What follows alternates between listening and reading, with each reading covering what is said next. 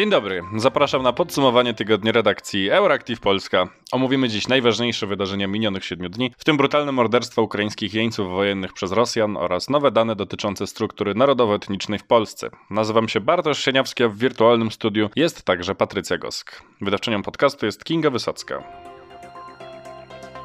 Główny Urząd Statystyczny w końcu opublikował wyniki Narodowego Spisu Powszechnego z 2021 roku dotyczące struktury narodowo-etnicznej naszego kraju. Polska w porównaniu ze spisem powszechnym z 2011 teoretycznie stała się mniej wielokulturowa. Liczba osób, które zaznaczyły obywatelstwo inne niż polskie, zmalała o kilkaset tysięcy, jednak od 2021 roku nasz kraj doświadczył wielu zmian i chociażby napływu imigrantów z Ukrainy. Co do Ukraińców, według Narodowego Spisu Powszechnego sprzed dwóch lat w marcu 2021 było ich w Polsce zaledwie 79,4 tysiące, a sam GUS szacował w 2019 roku, że jest ich ponad 1 300 tysięcy. To nie koniec niejasności we wstępnych wynikach spisu. Pamiętacie Państwo akcję wypisywania w formularzu narodowości europejskiej? Promowali ją politycy, celebryci i aktywiści o progresywnych proeuropejskich poglądach.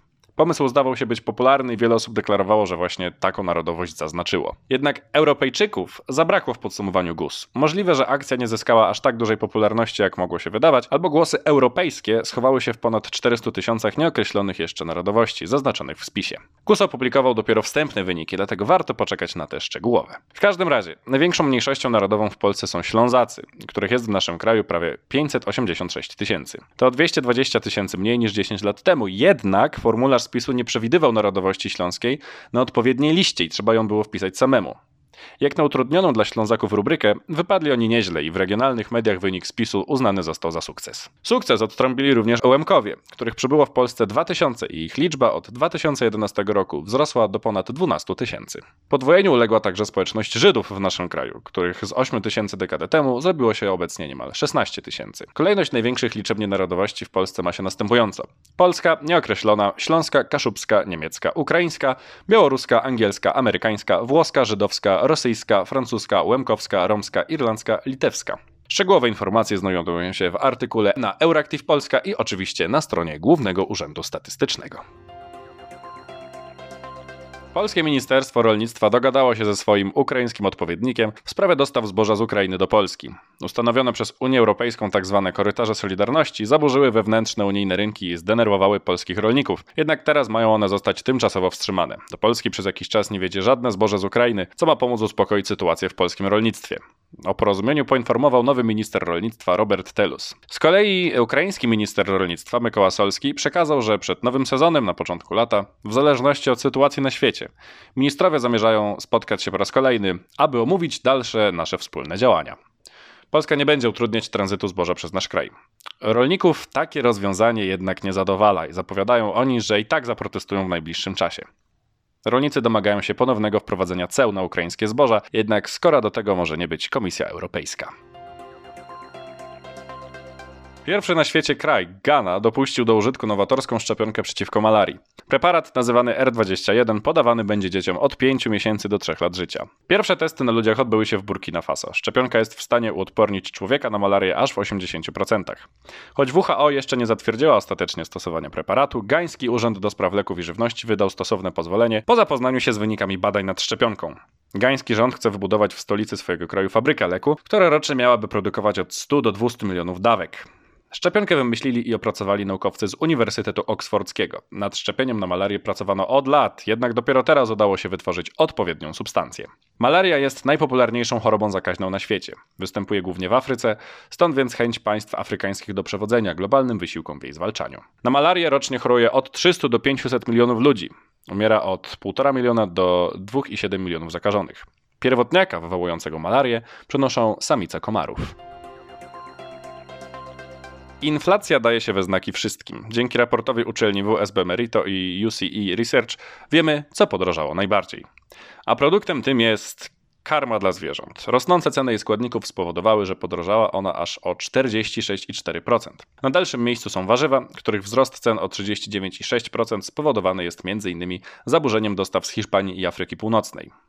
Na które wpływ miała susza, która zimą nawiedziła te regiony. Dalej znajduje się pieczywo, którego koszt wzrósł o 27,6% z powodu rosnących cen gazu i prądu. Zahamowanie ich wzrostu ma wkrótce doprowadzić do spowolnienia drożenia bułek i chlebów.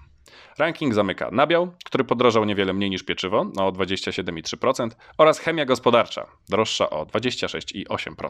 Średnio produkty w sklepach podrożały rok do roku o 23,7%. Rosyjska Duma przegłosowała możliwość wezwania poborowych żołnierzy do stawienia się w jednostce wojskowej drogą elektroniczną. Oficjalnie ta droga kontaktu z żołnierzami ma być usprawnieniem rosyjskiej mobilizacji przeciw Ukrainie. W praktyce znacznie utrudni unikanie wezwania do wojska. 394 z 395 obecnych w czasie głosowania deputowanych Dumy poparło wzywanie poborowych do jednostek wojskowych drogą cyfrową. Przepisy wejdą w życie w momencie, w którym Władimir Putin podpisze stosowne dokumenty. Najpewniej będzie to miało miejsce już wkrótce. Od tego momentu urzędowa strona GOS-Uslugi będzie mogła wysyłać elektroniczne informacje bezpośrednio do wzywanych do punktu poborowego mężczyzn.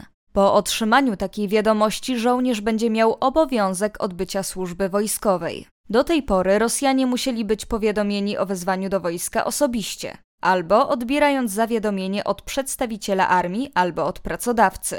Niedoszli żołnierze, chcąc tego uniknąć, zmieniali miejsce zamieszkania lub po prostu nie otwierali drzwi przedstawicielom wojska, kiedy ci pukali do ich mieszkań. Tym sposobem część Rosjan uniknęła wezwania do armii. Teraz może to jednak ulec zmianie. Kreml zaprzeczył, jakoby nowy sposób wzywania do odbycia służby był receptą na unikanie przez żołnierzy wyjazdu do Ukrainy lub metodą usprawnienia prowadzonej chaotycznie mobilizacji. Do mediów społecznościowych trafiły dwa nagrania, na których Rosjanie brutalnie mordują ukraińskich jeńców wojennych, obcinając im głowy. Na pierwszym nagraniu widać, jak na krzyczącym ukraińskim jeńcu siedzi zamaskowany rosyjski żołnierz. Rosjanin, zachęcany przez kolegów, dokonuje dekapitacji swojej ofiary nożem. Towarzyszący mu żołnierze triumfalnie pokazują do kamery zdobycz, którą jest kamizelka kuleodporna zaatakowanego jeńca. Znajdują się na niej naszywki sił zbrojnych Ukrainy. Wideo trwa około dwie minuty. Rosjanin na koniec pozuje do kamery ze zmasakrowanymi szczątkami ukraińskiego żołnierza. Media informują, że morderca należy do niesławnej grupy Wagnera. Na nagrania ostrymi słowami zareagował prezydent Ukrainy. Jest coś, czego nikt na świecie nie może ignorować. Jak łatwo te bestie zabijają, powiedział Wołodymyr Zełański. Nie zapomnimy o żadnej zbrodni. Nie zamierzamy też wybaczyć mordercom. Za wszystko odpowiedzą prawnie. Pokonanie terroru jest konieczne, dodał. Morderca z pierwszego nagrania został zidentyfikowany. Najpewniej odpowiedzialny za morderstwo jest Jegor Guzenko, pochodzący z kraju stawropolskiego w europejskiej części Rosji. Żołnierz znany jest ze swojej brutalności i skrajnych poglądów wobec Ukrainy. Służył w rosyjskich wojskach powietrzno-desantowych, a następnie w bojówkach tzw. Tak Donieckiej Republiki Ludowej. Swoją prawdopodobną zbrodnią przechwalał się w sieci. Na nacjonalistycznych rosyjskich czatrumach udostępnił grafikę przedstawiającą rosyjskiego żołnierza trzymającego obciętą głowę mitycznej meduzy w nawiązaniu do greckiego mitu o Perseuszu. Służba Bezpieczeństwa Ukrainy rozpoczęła śledztwo w sprawie potencjalnego zbrodniarza. Francuski koncern Pernod Ricard, który produkuje szwedzką wódkę Absolut, podjął decyzję o wznowieniu eksportu do Rosji po roku przerwy. Decyzja spotkała się z dużą krytyką ze strony szwedzkich polityków. Spółka The Absolute Company wydała oświadczenie, w którym poinformowała o wznowieniu eksportu do Rosji. Według firmy celem tej decyzji jest ochrona lokalnych pracowników oraz zapewnienie stabilności finansowej. Pernod Ricard od czasu rosyjskiej specjalnej operacji militarnej postępuje zgodnie z interesami swoich pracowników w Rosji i w Ukrainie. A ponieważ obowiązują sankcje, holding ograniczył dostawy do wielkości pozwalającej na wspieranie naszych lokalnych pracowników i utrzymania naszych lokalnych firm, stwierdziła rzeczniczka prasowa Absoluta Paula Eriksson. Decyzja o wznowieniu eksportu wódki do Rosji wzbudziła ogromne kontrowersje wśród szwedzkich polityków. Europosłanka Karin Karlsbro napisała nawet w tej sprawie list do szefowej firmy Stefanii Duro. Jest to aktywne działanie, które w praktyce wspiera rosyjską wojnę przeciwko Ukrainie i przeciwdziała międzynarodowym sankcjom.